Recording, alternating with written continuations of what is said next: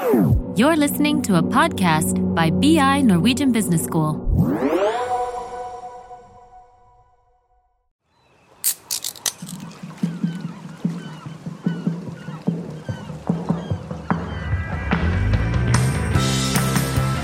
I dagens episode av podkastserien vår Finans i fjæra har vi vært så heldige å få besøk av Asbjørn Torvanger, som er forsker på Cicero, Senter for klimaforskning. Han har jobba med klima i over 35 år og høres veldig ofte på radio og TV, og en aktiv skribent. Eh, velkommen til oss skal du være, Asbjørn. Takk for det. Kan du kanskje si veldig kort om eh, bakgrunnen din? Ja, jeg har jo en doktorgrad i uh, samfunnsøkonomi. Og jeg har jobba med klima som du nevner, i veldig mange år. Men spesielt med utgangspunkt i forholdet mellom menneske og naturen. Og så har jeg jobba spesielt med energisystemet og, og utslipp, klimagassutslipp fra energisystemet. Så du har en veldig god overordnet oversikt? Det mener jeg at det har, og, og, og også den interaksjonen mellom det, det, si, det økonomiske perspektivet og det politiske perspektivet i dette. Nettopp. Det er derfor vi på en måte har invitert deg inn her, da, for vi har veldig inntrykk av at du har godt oversikt over dette. og setter de ulike bitene sammen i en helhet. Det er veldig viktig for å kunne forstå dette på et mer overordnet plan. da. Så Hva skal vi snakke om i dag? Jo, I dag skal vi egentlig snakke litt om noe du var inne på allerede. Litt sånn overordnet om hvis vi kan kalle det troikaen klima, energi og ikke minst natur. da, For de står jo ofte litt i motsetning til hverandre. da. Eh, og Der vet vi på en måte at du måte, har ganske klare og gode og presise meninger. Kan du utdype det litt? Ja, jeg vil um, starte med å si at vi er inne i antropocen. Mm -hmm. Og for de som ikke kjenner det omgrepet fra før, så betyr det altså at det er mennesket sin tidsalder. Mange kjenner jo til at vi har hatt krittperiode, devonperiode osv. Eh, men det er, altså, det er bare naturen som styrte. Men vi er altså inne i en tidsalder der mennesket i så stor grad påvirker naturen bl.a. leveforholdene for medskapninger på denne jorda, at vi kan referere til det som antroposen. Og Et eksempel på det er jo, at, eh, er jo dette med klima. At vi slipper ut så mange klimagasser, spesielt karbondioksid, at vi påvirker klimaet, som igjen påvirker forholdene for eh, ja, naturen eh, og alle planter og dyrearter på jorda, og oss sjøl. Så det betyr rett og slett at min en periode det er på en måte det mennesket som bestemmer skjebnen til jorda? på en måte? Ja, vi har iallfall en, en veldig viktig finger når det gjelder å bestemme skjebnen eh, til jorda. Og, og, dette har med uh, vårt forbruk på, per person på jorda, som varierer veldig, selvsagt, men også på at folketallet vokser jo stadig, og vi er vel i dag over åtte milliarder på jorda. Mm. Så det er på en måte vår utvikling og på en måte vår eh, dominans. på en måte. Vi, hva, hvordan har vi kommet dit? Ja, bare, ikke bare kun gjennom å bli flere, men det er vel kanskje en det er jo, en, det er jo en, et resultat av suksess. Mm. Altså, Hvis du ser det evolusjonsmessig, så uh, har jo mennesket vårt en, eh, en, en, suksess. Mm. Um, og uh, vi har blitt en så stor suksess at vi har blitt så mange, og vi forbruker så mye av naturressursene, at vi legger press på naturen, og, som går utover både oss sjøl over tid, mm. men også på annet liv på jorda. Så vi, rett slett, vi løper rett og slett risikoen for å bli offer for egen suksess? Ja. Mm. Det er en reell fare, faktisk. At, ja. uh, og klima er jo bare ett eksempel. Vi har også la oss kalle det ressursknipe på mange områder. F.eks. Uh, tilgang på ferskvann, som, mm. som uh, vi tenker for lite på. Ja. Og det kan være sjeldne jordmetall. Mm. Vi har problemer med å skaffe nok ren energi mm. til vår livsstil, osv. Det er vel fordi man kanskje har tatt alle ressursene for gitt. da. Ja, eh, vi har på en måte ikke satt en høy nok pris på de for å si det rett ut, eh, som har over, overbeskatta. Det har vel med at vi ikke helt har skjønt eh, at vi er inne i denne antroposen, At, at vi er nødt til å ta et større og mer rasjonelt ansvar for måten vi oppfører oss på mm. i forhold til naturen. Mm. og ikke ha den her skal vi kalle vill vest-holdninga. At ja. det er alltid nye ressurser vi kan bruke. Vi ja. er ikke der lenger. Nei. Så det er vel kanskje nå vi for alvor innser at, er faktisk at, vi kan snakke om knappe ressurser, og naturressurser er knappe? Ja, altså vi har jo lenge historisk sett eh, stått overfor knappe ressurser på ulike områder. Så har vi mm. blitt flinkere til å utnytte naturgrunnlag. Mm. Vi, vi, har, vi, har, blitt stand eh, til å bruke kål, olje og gass, altså mm. fossil energi framfor hestekraft mm. og annen type energi, eh, dampkraft, sant? som har gjort at vi har lag, kunne produsere både maskiner og mat og andre, andre varer på et sånt nivå at vi har kunnet hatt både en kraftig vekst i folketall og Mm. eh, i velstand. Ja. Men det er vel for opp til nå har jo disse naturressursene vært veldig Det vært nok av de, liksom. Det har vært nok eh, både dyrearter å beskatte og natur å beskatte og trær å hogge, og karbonbudsjettet har vært uendelig opp til nå, osv. Altså, og de, eh, den vekstmodellen måte, som legger til grunnlag for mye av de moderne vekstteoriene, da, Solos sin vekstteori, han skriver jo eksplisitt i, eh, i sitt nobelvinnende forskningsarbeid i en fotnote der at naturen er er gratis og har null verdi på en måte før han utnyttes og beskattes og forvaltes. Så Ja. det er jo på en måte et ganske sånn um, I dagens lys da, ganske naivt uh, perspektiv. da. Ja, det reflekterer vel en, en sånn holdning på at uh, det finnes uendelig med ressurser vi kan utnytte. Men, men uh, heldigvis så har jo ting utvikla seg fra Solov, og i dag så opererer vi vel med i mange sammenhenger med en viss verdi på naturen, men, men problemet tror jeg er at vi opererer med en for lav og kortsiktig verdi på naturen. Hvis jeg bare ta ett eksempel på det, er jo dette med utbygging av vindkraft som, i Norge, da, som vi vet eh, betyr store arealinngrep. Mm. Og jeg er veldig i tvil om vi legger nok vekt på at eh, dette er eh, arealinngrep som, som, som har negative konsekvenser for planter og dyr og naturområder.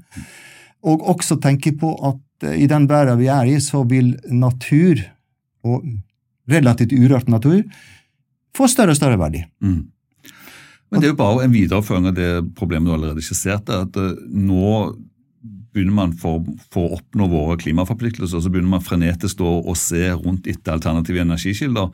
Og der står jo på en måte På, Vest, på Vestlandet, der jeg er fra, så, og du òg er fra, så, så er jo på en måte vind et ganske naturlig alternativ. Og da bare kaster man seg på. og det er jo i det fylket jeg kommer fra, rundt Bjerkreim og altså i Rogaland, så er det jo enorme eh, anlegg allerede bygd med vanvittig store naturinngrep. Det, det viderefører jo bare på den tenkningen du allerede har sagt, at man, man på en måte eh, anser på en måte som det skulle være nok av dette i all framtid. For det, det, vind kan vel ikke erstatte den kraften vi trenger i dag.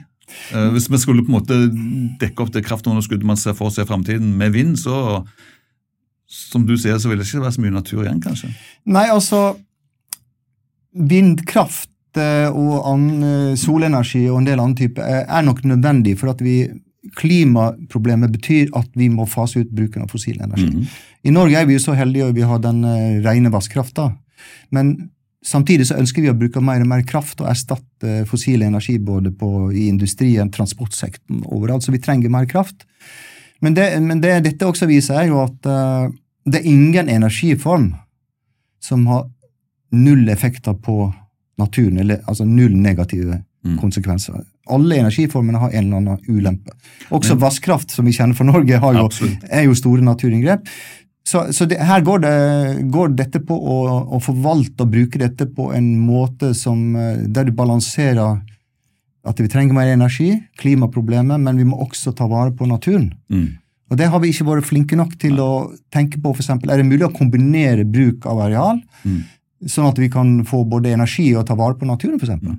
Men jeg, jeg, tror de fleste vil være enig i at eh, vind er vel på en måte ekstremt lite arealeffektivt. Altså Det bruker enormt med areal for, for hver kilowatt du produserer. Ja, I det er forhold korrekt. til f.eks. fossilt og i forhold til uh, ikke minst kjernekraft, som vi kanskje skal komme inn på litt senere. Det, det er korrekt. og i, For det første så er jo dette anlegg som å svære vindmøller. Du, og du må du, viss avstand, du må bygge veier, så sånn at det er stor, ganske store areal det er snakk om. Men, men i tillegg er det jo sånn at uh, du kan forvente at vindmøllen produserer 30% av tida, sånn, sånn i snitt. da. I tillegg, ja. Ja, og, det, og hva betyr det? Jo, det betyr at du må liksom bygge inn en god del, la oss si, mer kapasitet enn det du klarer å få ut. Mm. I forhold til f.eks. vasskraft, der eh, ok, du har en viss variasjon der, men langt ifra så stor vannkraft. fordi det, der har du magasin som på en måte stabiliserer eh, produksjon, og du, kan ha, du har magasin som, eh, som er så store du kan overføre for et år med lite nedbør Mm.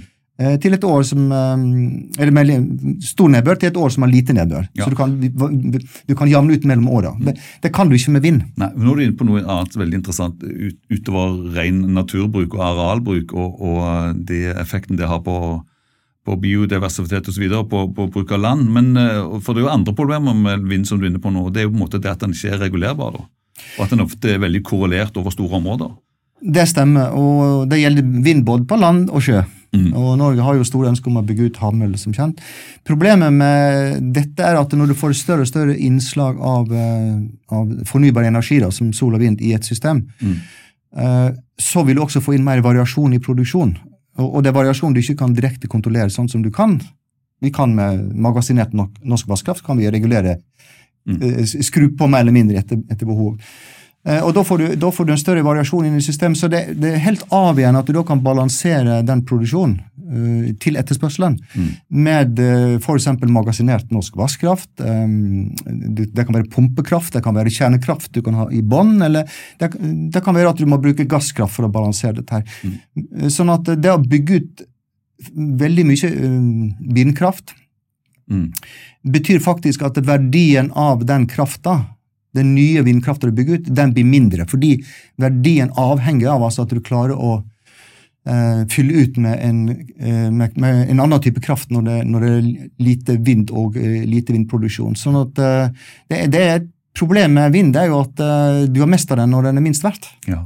Ja, Det er jo en eh, dårlig egenskap. Eh, så en vindkraftprodusent da, eh, vil jo typisk ha en mye lavere, eller få en veldig mye lavere gjennomsnittspris for vinden sin eh, enn det man vil få f.eks. ved eh, vannkraft. Nettopp fordi at du ikke kan magasinere den. Og så blir jo problemet, som du sier, det blir jo da større og større jo mer vindkraft man produserer. For da blir det jo enda en tendens til at jo mer vind det er, jo mer kraft blir det. Og jo mindre vind det er, jo mindre kraft fra vindmøllene blir det. Så, så på en måte, eh, det er jo det som er poenget ditt. ikke sant? At, at Jo mer du bygger ut av det, jo større problem blir dette da, med disse variable eh, vindforholdene, og derfor også veldig variable prisene. Mm. Helt eh, korrekt. La, meg, la, la meg ta en enk, eh, enkel modell for, det, for å illustrere dette. Du har et solpanel på hytta di.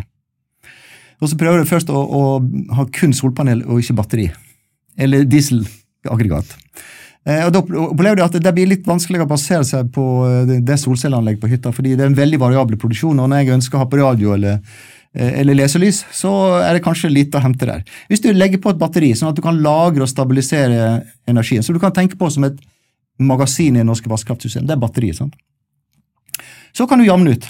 Du kan, du kan på, Om det er lite vind, for eksempel, eller, eller unnskyld, lite sol om, om, om natta, så kan du likevel tappe batteriet, og du kan ha på radioen. Og eventuelt, hvis det er lenge, hvis det er på vinteren, så kanskje du kommer enda lenger hvis du tillater deg å ha et dieselaggregat i tillegg, eller bensinaggregat, sånn at du da får kraft. Det bare illustrerer at verdien av disse tingene er helt avhengig av de andre komponentene i energisystemet. Og det er en feil mange gjør, de tenker for isolert og ser bare på én eh, ett tannhjul i et stort system. Helt riktig. Det Dette er en stor maskin som skal fungere i lag. Ja. Det er et veldig komplisert maskin fordi at uh, kraft er ferskvare, og du må levere den med nok effekt og kapasitet, eller mengde og, og, og, og med riktig kvalitet, på hvert eneste sekund. Ellers mm. vil du få et kjempeproblem i systemet. Så du kan ikke tulle med disse tingene her. Nei, man må se den store sammenhengen, rett og slett. Det er jo det som er hele greia. Ja. Samtidig som når man bygger ut eh, vind og andre tiltak for å produsere mer eh, energi, så må vi også da veie mot f.eks. negative effekter på miljøet. Absolutt. Og Da trenger vi også, som, som inne på, altså, For å motvirke de store fluktuasjonene dette eh, legger opp til, i og med at det ikke er mulig for å regulere det, så trenger man òg mer regulerbar kraft i tillegg. For Ja. å få den helheten som du eh, riktig påpeker her. Ja, det er, eh, det er to-tre strategier du kan eh, bruke her. Du, ha, du kan fylle ut med eh, energi som du kan regulere, eller altså produksjon på. Ja. Sånn som f.eks. magasinert norsk vannkraft. Men i, i sånn europeisk kontekst er jo den altfor liten til å ha særlig betydning. Absolutt. Så kan du lagre energi, enten det er eh, varmelager, pumpekraft, som går jo på at når du har overskudd, så pumper du vann opp i et magasin, som du da kan tappe når, du, når, når, når det er lite, for liten produksjon. Eller det kan være å lagre energi i et vassmagasin. Eller så er det det generelle som jeg mener også er gjort altfor lite av både i Norge og Europa. Det, det er både det med å tenke den fleksibiliteten, altså den lagring av energi for å fylle ut. Eh, Det er eh, energieffektivisering. Mm. Eh, Og, og I en tidligere podkast kalte jeg dette her at det er negawatt er bedre enn megawatt. Mm. Eh, Og Poenget er jo det at jeg mener jo at faktisk ingenting slår energieffektivisering. Både i produksjon, f.eks. oppruste norske vannkraftverk, for der har du, en, du har litt å gå på der. Eh, og, det kan være i, forbruket av, eh, av i oppvarming av bygg, mer effektivt bygg, og alle plasser vi bruker kraft. Men poenget er at eh, energieffektivisering vil, i forhold til det vi snakker om, komme bedre ut. Som regel, mener jeg. Det, du får mer robuste resultat. Det vil sannsynligvis være billigere. Det vil definitivt være bedre for naturen.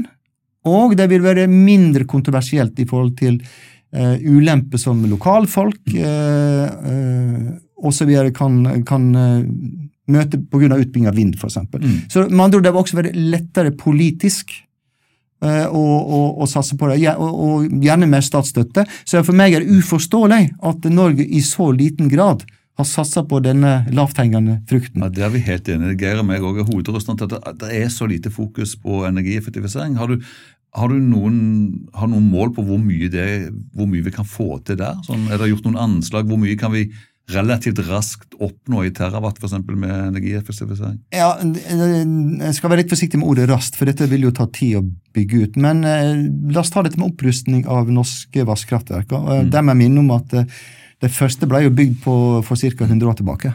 Og til og med enda eldre. Så der er det, og, og det er ikke alle som har blitt rusta opp. Der har jeg sett anslag på fra 7 til 20 TWh.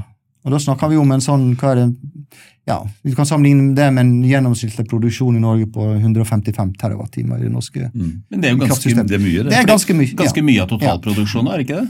Det er det. Og så kan du tenke på, når det gjelder bygningssektoren, så eh, lurer på om det er ca. 40% av eh, varme, altså kapasiteten som går med der, til oppvarming av bygg, eh, alle slags typer bygg. Og vi vet jo at du kan i dag lage bygg som eh, ja, du, du, har til og med både passiv og plusshus. ikke ja. sant? Og iallfall er det en stor bestand av eldre bygg eh, som er lite energieffektive. Så jeg ville si at i løpet av la oss si et par tiår mm. Selvsagt vil det koste, men det, alle alternativ koster òg. ja. produsere mer energi. Så jeg er sikker på at vi ville kunne klare å halvere dette her over en del tiår i byggsektoren. Det har stort det... potensial. altså. Hva er, hva er den mest lavthengende frukten, tenker du? Hvor vil du starte? Bygg? Starte ja, altså isolering av bygg. Mm. Eh, varmepumpe. Mm.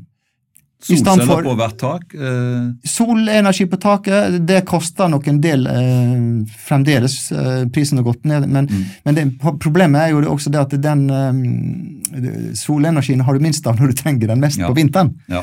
Og ingenting på natta, selvsagt. Eh, skifte ut vinduet, med altså mer effektive vinduer og sånne ting. Så altså gå på å spare mer energi. Intelligent energistyring i bygg. Mm. Det, det er masse å ta av, og eh, jeg, vil, jeg mener jo at uh, hvis du ser på hva Norge kunne gjøre av et bidrag uh, framover på, på, grønn energi og, liksom, og klimatilpassing, om du vil, i den biforstand på energisektoren, så har jeg, så har jeg mer tro på at uh, at Norge kunne jobbe med energieffektivisering på alle mulige måter. Fleksibilitet, intelligent styring, energibruk, eh, som også er mer klimavennlig. I byggsektoren, i, i industrien. Eh, og antakeligvis også i marin sektor, som jeg også har jobba litt med. For det, for, og det har rett og slett med at der har vi så, så stor og lang kompetanse. Vi ligger så langt framme på dette mm. at eh, jeg har mer tro på det. og Kanskje dette er en liten bombe, men jeg håper ikke det. I forhold til å bygge massivt ut med batterifabrikker og uh, havmøller. Fordi jeg, jeg, mener at dette er fornuftige ting også å utvikle, men, men, men jeg mener det er, det er, en lengre lærekurve å gå på de områdene der. Uh, det er mer usikkert resultat, og ikke minst mener jeg det er vesentlig større konkurranse med andre land. Mm. Altså, jeg må si meg veldig enig i det du sier der. Jeg har også stusset veldig over dette at uh, hvorfor insentiveres det ikke mer energistyring? Du nevner også varmepumper, som er jo veldig enkle tiltak. og Uh, og, og, og hvorfor, hvorfor, er ikke myndighetene med på banen der? I, altså Det vi har, er jo at vi faktisk får støtte, altså i hvert fall for folk flest da, på privaten, så får vi jo støtte eh, rett og slett på prisstøtte på energien. Men det er veldig lite støtte å hente i forhold til å gjøre tiltak. Eh, faktisk er det jo sånn nå at mange av disse tiltakene blir jo ulønnsomme nettopp fordi at vi får så mye penger tilbake når vi bruker mye. Ja. Så det er, jo, det, det, er ikke, det er, jo, ikke, insentivert, det er jo det motsatte. Vi er jo, eh, vi er jo ikke insentivert i det hele tatt. Vi, vi, har jo ikke insentiv til å gjøre det nettopp fordi at vi får, vi får kroner og øre etter hvert som vi forbruker. Så, så, det er jo verre enn som så, altså. Ja, noen vil sågar ha fastpris på strøm. ja. ja, men dette viser vel at vi ligger langt etter der vi burde ligge. Fordi, fordi at eh, Ok, Du kan si at dette kommer av eh, jeg tror det er to ting. At vi er i bakleksa. Vi har hatt så billig kraft så lenge. Mm. Ok. Og så er det økonomer jeg er også økonom, som har argumentert med ja, men så lenge det er lønnsomt, så vil jo folk investere i varmepumper og isolere husene sine. Både, og, det vil industrien gjøre. og sånn. Men og, saken er jo det at vi er i en helt annen situasjon i dag. Og det er mange grunner til at folk investerer for lite i dette. her. Og Det, er, det største paradokset i dette her, mener jeg, er jo at uh, Enova faktisk før, kanskje ti år tilbake, eller noe sånt, ga mer støtte til, til isolering av hus, eh, forskjellige måter å effektivisere energibruken i husene på. Men så fikk du en periode der alt skulle dreie seg om innovasjon, grønn mm. innovasjon. Og det ble vel lite direkte støtte til solpanel og varmepumper og andre slike måter å spare energi på. Eh, og det mener jeg at der bør Enova få et nytt mandat så fort som mulig jeg vet jeg har fått litt mer penger, men dette er altfor putlete. De bør få mer, uh, et mandat og mer middel til å massivt støtte energieffektivisering på alle mulige plan i samfunnet. Og jeg mener det er mer, en mer sikker um, produkt, eller altså resultat av det når det gjelder både klima og energi, som jeg har nevnt, mm. enn mange av de andre tingene Norge satser på. Dette er no-brainer. altså. Ja, det... Dette burde vi gjøre som alt remmer og de kan holde.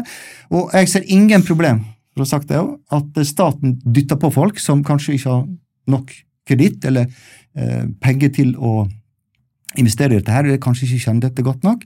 At en bruker en del offentlige penger på dette her. Fordi alternativer, enten da å bygge ut uh, mer med vindmøller, havmøller eller andre ting, kommer til å koste massivt. Ikke bare økonomi, men også natur og ha andre ulemper knytta til seg. Pluss at det er mer usikkert på hva vi får ut i forhold til de pengene vi putter inn.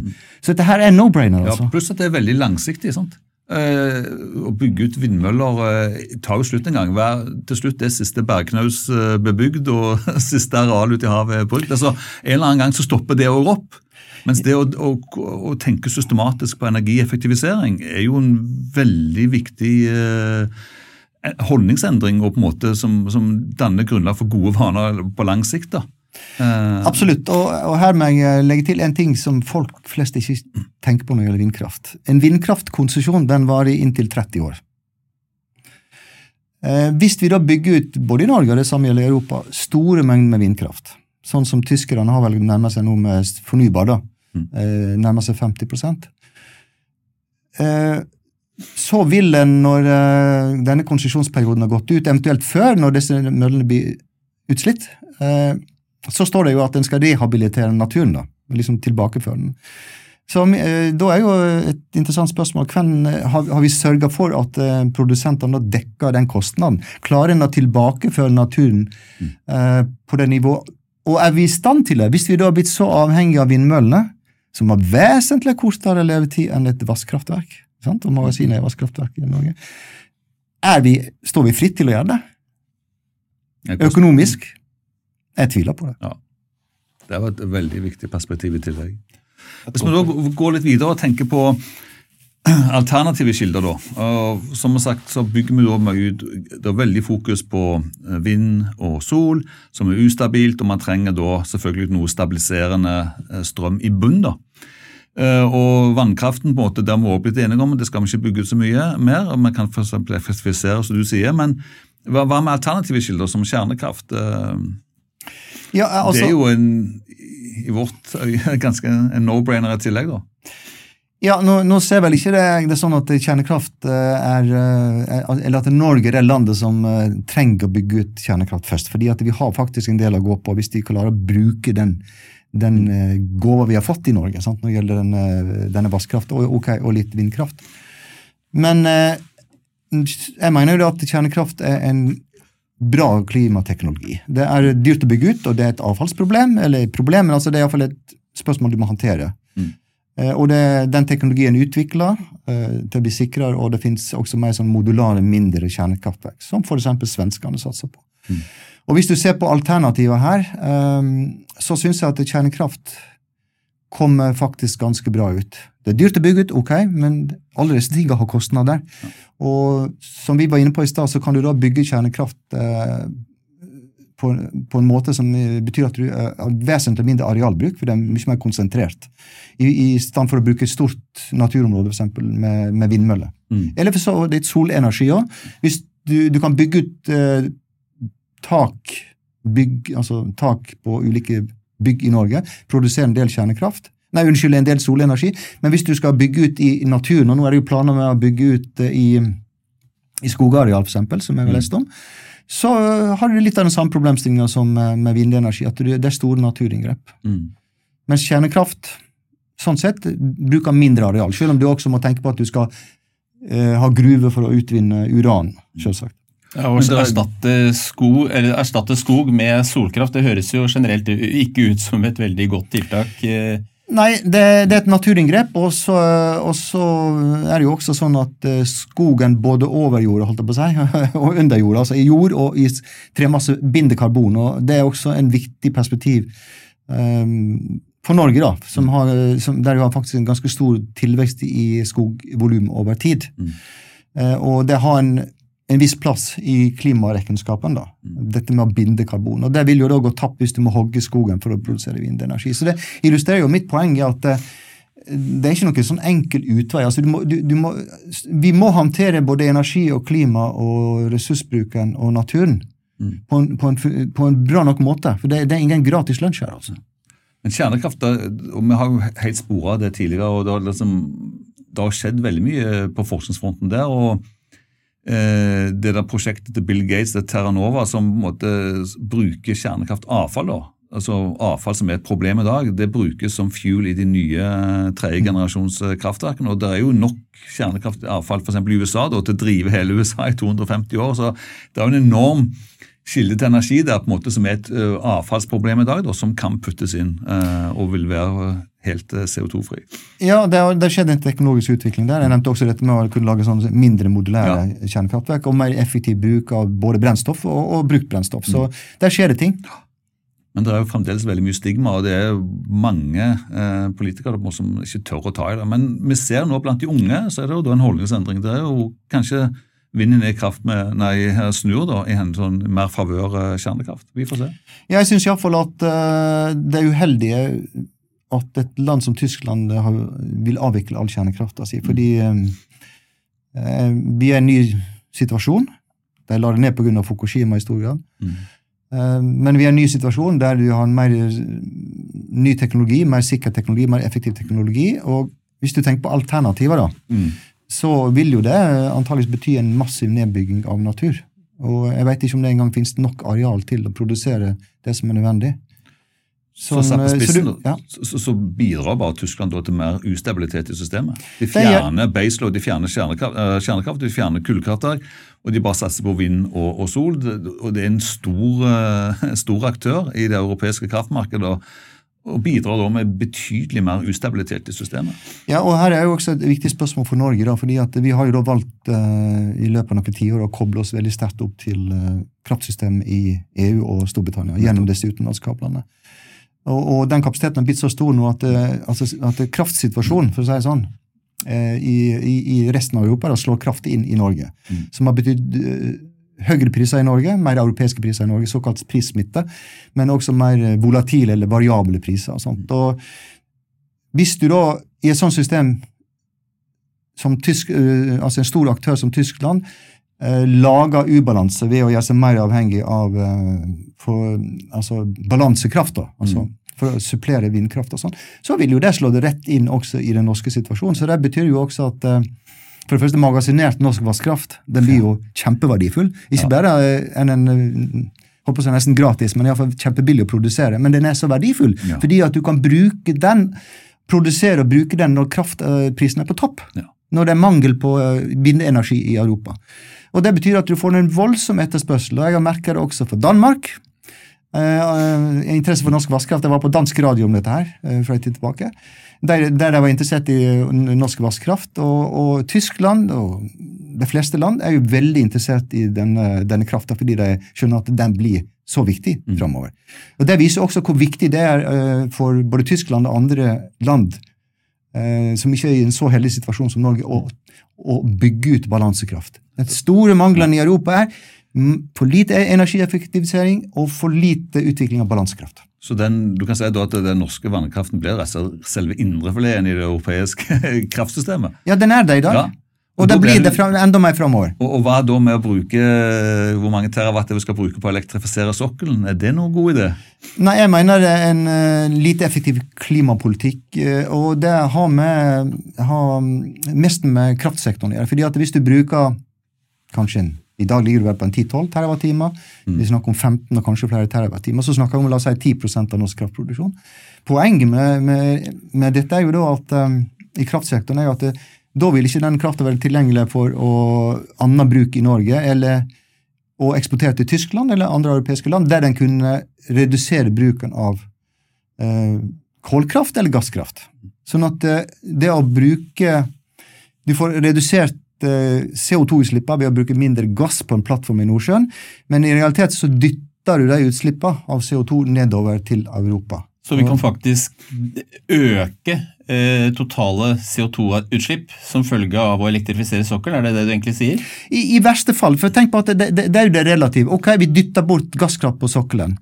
Eh, men, men, eh, ved elektrifisering. Men betyr det at vi da må slippe til mer kullkraft? eller altså at vi, vi dytter inn kullkraft eller gasskraft i Europa, så er det jo liksom forholdet mellom de to faktorene der som, som, som, som vil bestemme dette. Utover det at vi, gassen vil jo bli eksportert til, fra norske plattformer til, til uh, Tyskland eller Storbritannia eller andre land, og bli brukt der, da. Sånn at uh, elektrifisering fungerer Altså det, det, det, er problematisk, og spesielt i den situasjonen vi, vi, vi, vi har i dag, med mangel på eh, grønn og stabil kraft. Og dette er jo aksentuert, for å nevne det, i Melkøya-tilfellet. Eh, sant? Der altså Melkaia tar imot eh, gass fra, eh, fra Snøhvitfeltet. Der for øvrig også er karbonfangst og -lagring. Eh, men eh, denne, i, denne, gassen kommer da med rør til, til Melkøya, der den skal bli kjølt ned. bli flytende og så skal du eksportere den eh, til, til, eh, Europa. Resten av Europa. Eh, problemet med å elektrifisere Melkøya er jo i tillegg til det vi har snakket om, altså en diskutabel klimaeffekt, er jo det at det vil ta en stor del av eh, kraftkapasiteten i Finnmark.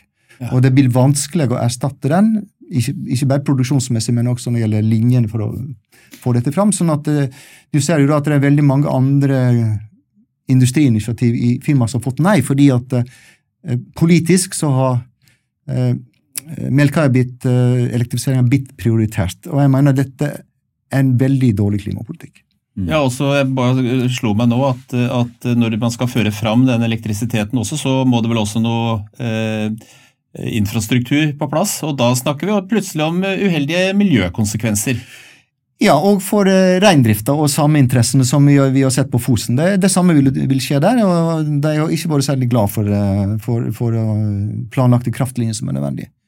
Men det er snakk om altså store mengder faktisk av, av den kapasiteten som, som en har for å levere kraft til Finnmark, som blir brukt på dette her. Som da har en, som jeg sa, lite, lite Eller dubiøs, eller lite liten klimaeffekt. Eh, og så Totalt sett så framstår dette her som mener jeg, som både klimamessig og eh, energimessig som et lite gjennomtenkt prosjekt. Og En burde heller tenke på om en burde bygge ut karbonfangst og -lagring. Det, altså nå, det er her er et interessant poeng. for det, Du har altså karbonfangst og -lagring på Snøhvit feltet fordi at uh, gassen inneholder for mye CO2 fra cellene. Sånn. Men du kunne også bygge ut dette på, på fastlandet der, altså på, eller på Melkøya, da, men nær kysten på, i Finnmark der.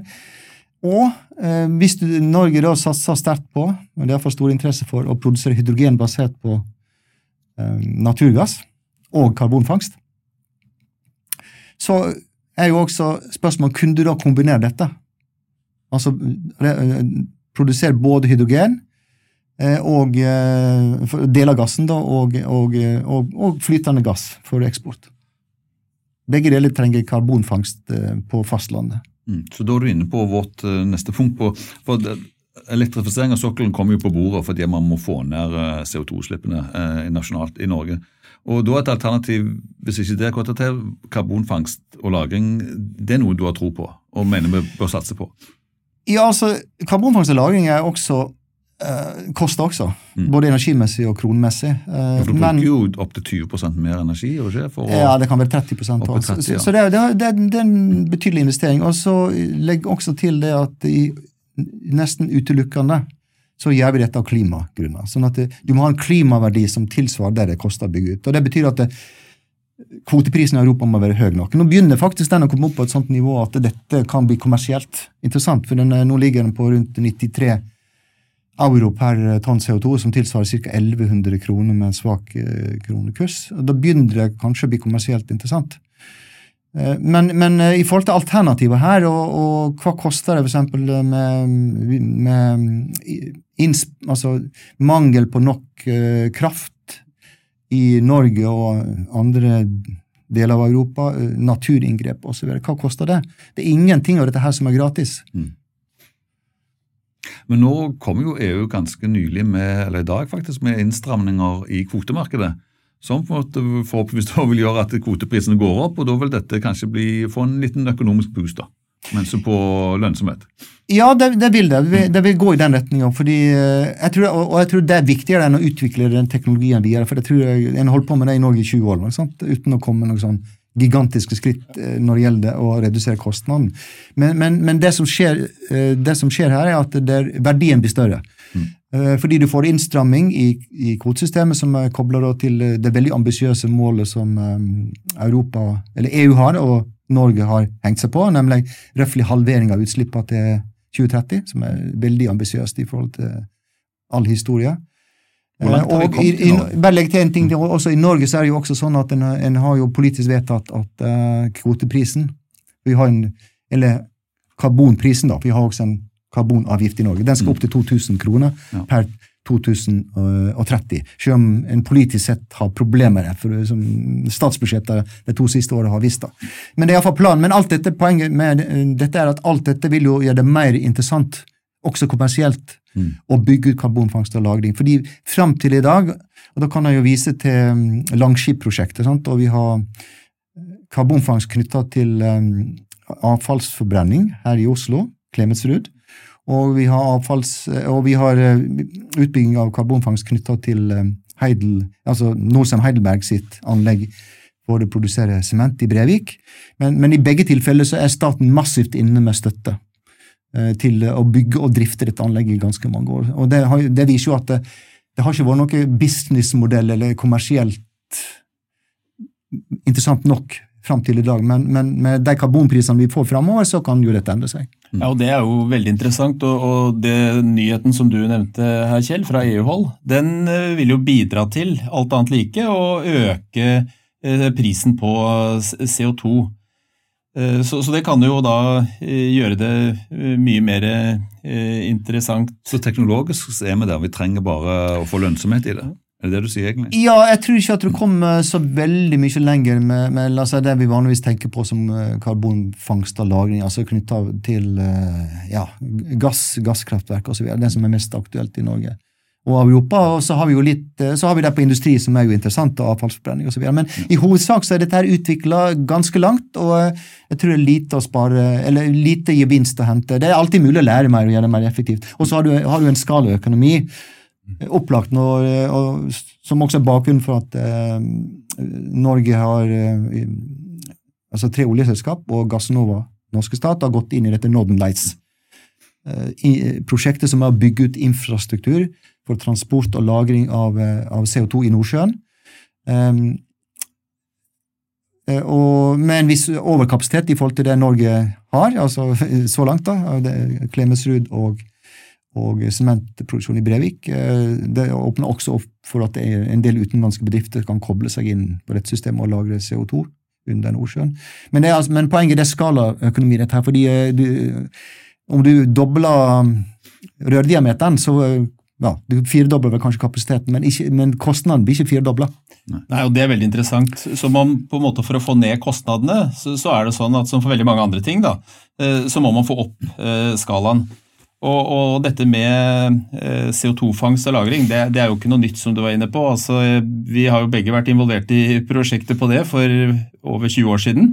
Eh, og først ute, så vidt jeg husker, det er mulig jeg har dårlig hukommelse, det var vel er det Sleipner hvor man fanget og, og lagret eh, CO2, og det er tilbake i 6, 1996. 96, ja. ja. Så, så, så, dette er jo ikke noe, det er jo ikke noe sånn som har dukket opp i dag. Uh, men når man ser på potensialet her, så skulle man jo tro det var stort. Uh, F.eks. innenfor sement, gjødsel vi, kan vi jo nevne, mm, mm, mm. Og, og, flere andre områder hvor dette med CO2-fangst og -lagring kan være interessant. Men det bare slår meg også, kan, kan, kan, vi her i Norge, som vi har jo en sokkel, eh, kan vi på en måte bli en mottaker eller en importør eh, av CO2? Kan det være interessant? Absolutt. Eh, her har også Norge gjort mange analyser, og det har jo med oljeaktiviteten i Nordsjøen å gjøre, og, en del forskning fra NTNU, Sintef osv. Geologisk forskning som viser at vi har en kapasitet til å lagre to-tre kilometer under sjøbunnen, snakker vi om i Nordsjøen. ulike egna geologiske formasjoner. Gjerne porøs sandstein som i dag inneholder sjøvann, men du kan pumpe inn flytende CO2, så vil du dytte ut sjøvannet, og så må du ha tett lag over. Men iallfall har han gjort analyse av dette her, og kommet fram til at her kan en lagre ikke bare norske CO2-utslipp, men europeiske eh, CO2-utslipp antageligvis i mange tiår. Det er kapasiteten. Og det vi ser som skjer på dette området, er jo nå at eh, eh, staten har lagt opp til en runde, en konsesjonsrunde der flere selskap kan søke om å eh, drifte og lagre CO2 under Nordsjøen. Så det er faktisk private selskap som også ønsker å gå inn i den businessmodellen som så langt da denne Northern Lights-initiativet eh, har, har, har, har drivet. Hvor lenge blir CO2-en eh, der nede? Er det risiko for at den lekker ut, eller eh, hvor sikkert er det? altså det, Ut fra det vi vet i dag, så er risikoen for at det skal lekke ut, veldig liten. Altså Det som er viktig, er jo at uh, du gjør en nøye kartlegging av de aktuelle geologiske formasjonene. Du kan jo også bruke uh, olje- og gassreservoar som er nedtappa, som uh, har jo vist fungert ganske bra over lang tid. Men du kan aldri på den siden, du kan aldri være 100% sikker, for det kan jo være sprekk eller, eller et litt utett lag på toppen. Um, lite sånn jordskjelv, f.eks.? Ja, det kan skje ting som jordskjelv, eller uh, som gjør at en, en, del, eller litt CO2 kan lekke ut. Så, så, du, så du, bør nok, du, bør nok, passe på uh, at dette fungerer over tid, og, og ha planer for å håndtere hvis det skulle mm. uh, bli lekkasje. Men, men i tillegg så er det jo sånn at det skjer geologiske prosesser med CO2-en, sånn at den blir mineralisert over tid. da, sånn at det betyr også at lekkasjerisikoen over tid uh, blir redusert. Hva mener du med mineralisert over tid? Altså den, Det går over til, fra å være et, flyt, til, fra et flytende stoff til et fast stoff. Det binder seg til, eh, til uh, kalk eller andre stoff i disse i geologiske formasjonene som den blir pumpa ned i. Karbonfangst og -lagring som vi snakket om nå, er jo noe vi har hørt ganske mye om. Men det som hører, som høres litt mer high-tech ut, er rett og slett å trekke CO2 ut av atmosfæren ta tilbake CO2-en. og Det vet vi at naturen naturligvis eh, er den største og, eh, og, beste til det. Så vi bygger ned natur, så mister vi den evnen. Men eh, det finnes jo teknologiske nyvinninger på dette òg. Har du noe tro på det? Ja. Mange sier at det er nødt til å være en del av løsningen, i og med at vi allerede har pumpa litt for mye CO2 ut i atmosfæren likevel. Ja, Hvis du ser på det arbeidet som FNs klimapanel har gjort, mm. IPCC, så viser jo de at uh, vi kommer til å trenge store volum av dette. her. Og Det er fordi at vi har vært for trege og for lite flinke til å kutte utslipp av CO2, da primært bruken av fossil energi. Og så er det også dette med avskoging. Som, sånn at desto mindre flinke vi er med å kutte utslipp eller kutte fossil, desto mer avhengig av, er vi av eh, CO2-fjerning. Og den mest La oss si Den mest klassiske måten eh, å drive CO2-fjerning på er jo å plante skog. For at tremasse inneholder eh, en god del karbon. Eh, en del av det blir etter hvert også lagra i jorda. Og så er det jo noen nye ideer som kobler på dette her, som går annet på det å putte trekål i jorda, biochar, som det heter på engelsk. Også, det er ganske stabilt, og det kan gjøre at produktiviteten på jorda blir bedre, altså i jordbruket. Du putter finfordelt tremasse, eller trekål i jorda. Og så har du den to, Jeg kan nevne to ting til som uh, har vært en god del snakk om. Dette her med bioenergi kombinert med karbonfangst og -lagring. Uh, og det kan du ha koblet til kraftverk. Svenskene satser en god del på det. Men det mm, mer interessante eksempelet på det er jo Klemetsrud og avfallsforbrenning i Norge.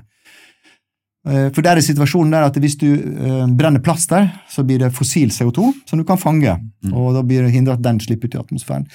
Men hvis det er eh, papir eller gamle møbler eller tremasser det er snakk om, så er jo faktisk det opprinnelig fanga av fotosyntesen i atmosfæren.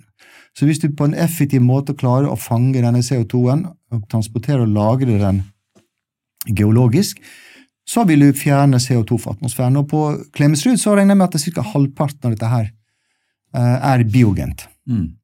Så, og det, det, vil da være et eksempel på CO2-fjerning fra atmosfæren. Og Så kan jeg legge til en, en siste eksempel på dette som er langt mindre utvikla, og som har et stort handikap. Direktefangst fra luft. Direct air capture. Mm. Som f.eks. finnes anlegg for på, på, Island. og Jeg tenker på det som kunstige tre. Det er altså maskinen som suger inn CO2 det var det jeg primært tenkte på når jeg tenkte high-tech. Ja, ja, du suger inn CO2, og så, um, og så bruker du omtrent samme metodene som uh, for på Klemetsrud til å fange CO2-en. Så må du transportere og lagre den, og det blir akkurat som uh, Klemetsrud, eksempel. Mm. Resten av det. Men det handikappet dette har, og, og det har kommet ganske kort i dag, uh, fordi det er små volum, og det er veld, veldig dyrt. Det store handikappet er at hvis du sammenligner konsentrasjon av CO2 i røykas på Klemetsrud, da snakker vi kanskje en 15% Jeg har sett tall fra 10 til 30% når du brenner avfall.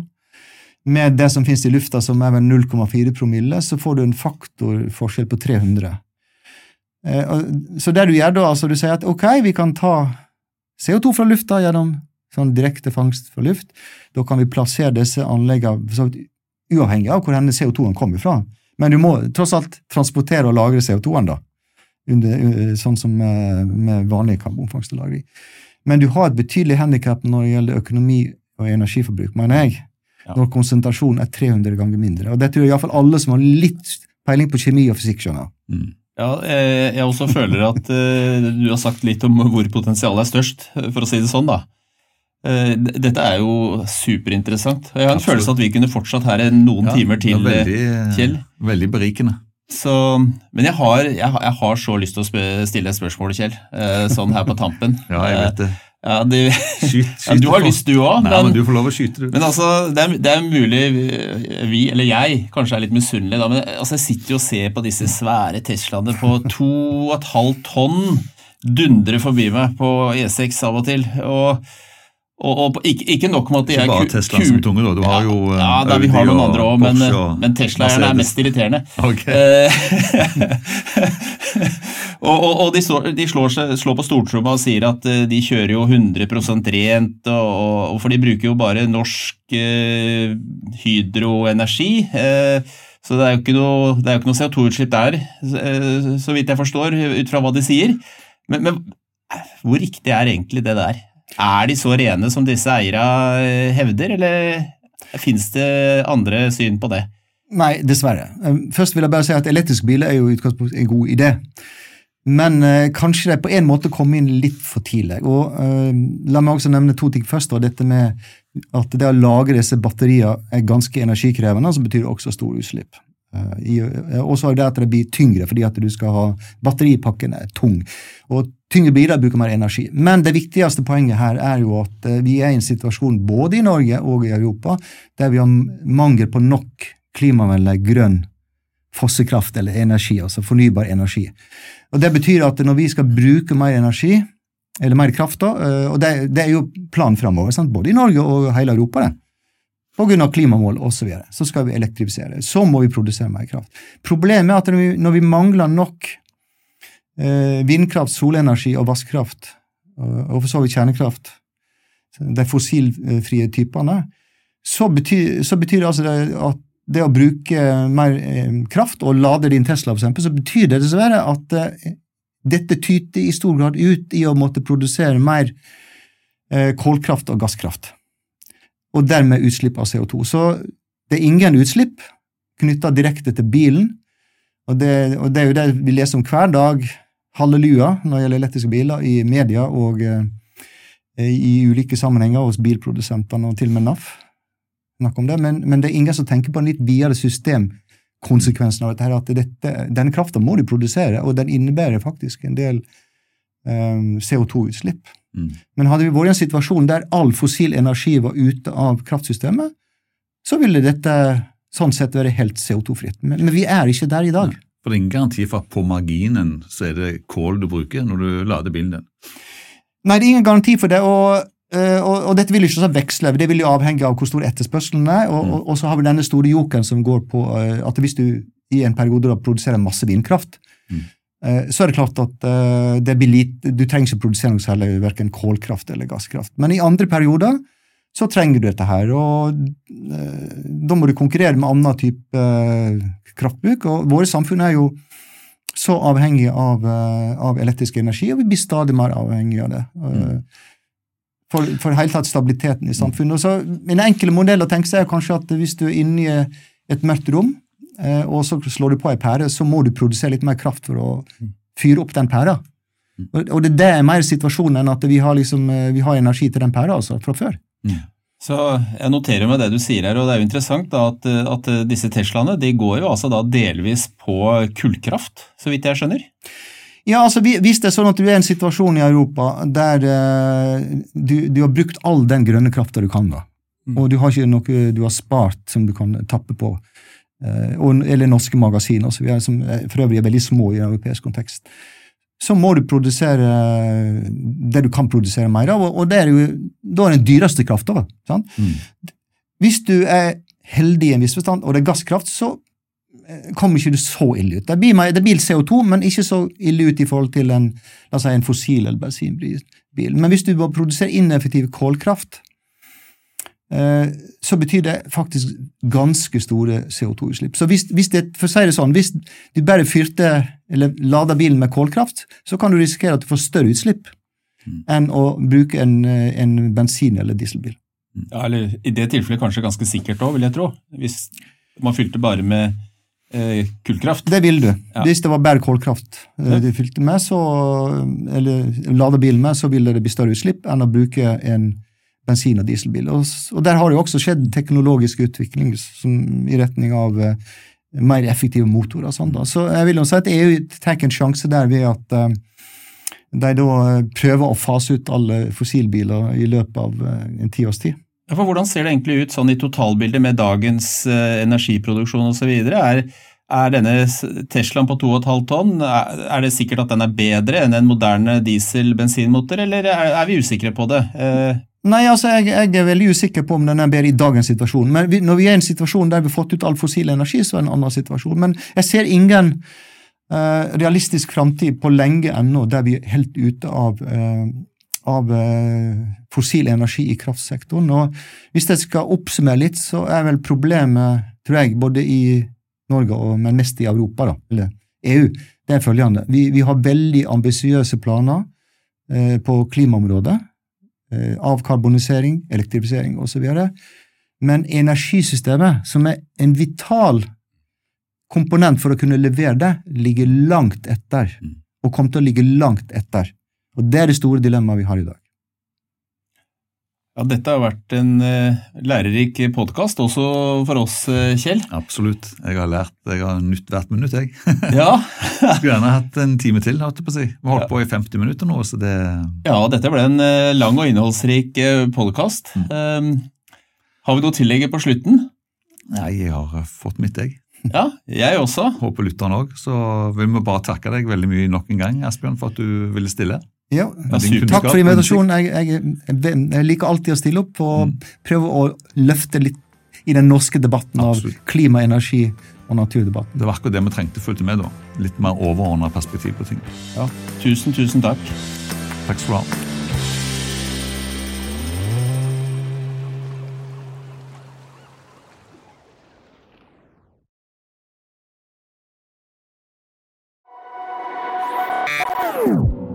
This is a BI production. Listen to more podcasts. Go to bi.no slash podcasts.